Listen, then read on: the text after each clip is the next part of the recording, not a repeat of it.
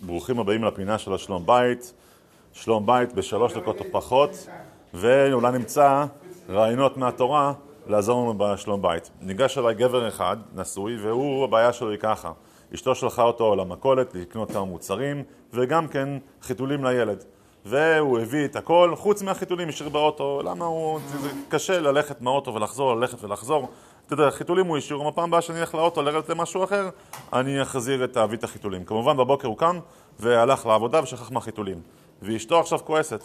והוא שואל את עצמו, הוא שואל אותי, רגע, אם אני הייתי עובר משהו שזה מלאכת שבת, ועשיתי את זה בשוגג, ולא הייתה לי כוונה, אז אני לא חייב, אני פטור. אז למה עכשיו אשתי כועסת? ממילא אני פטור, אני לא עשיתי בכוונה, זה בשוגג לגמרי. אפילו אנוס אולי. אז התשובה היא ככה, כתוב בסוף, בסוף בפרשת כי תבוא. לא עברתי למצוותיך ולא שכחתי. לא שכחתי. זה אחד מהדברים שאנחנו אומרים לקדוש ברוך הוא. למה?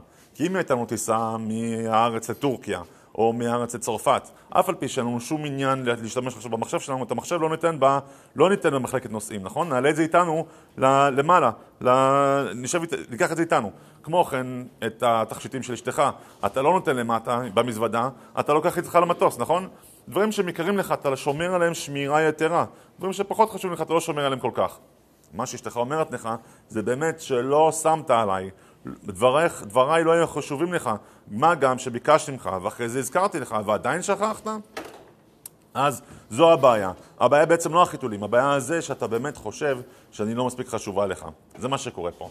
קרה לי באמת בשנה הראשונה של הנישואים שלי, שהזמנתי את אשתי, הלכנו ביחד לאיזה דייט ביום חמישי בצהריים, ושכחתי. ואשתי הייתה מאוד מאוד אה, כועסת. הלכנו לרב גריידן בקשר לזה, והוא אמר, אם זה היה משהו שהיית עושה appointment עם איזה לקוח יקר, היית שוכח? ודאי שלא.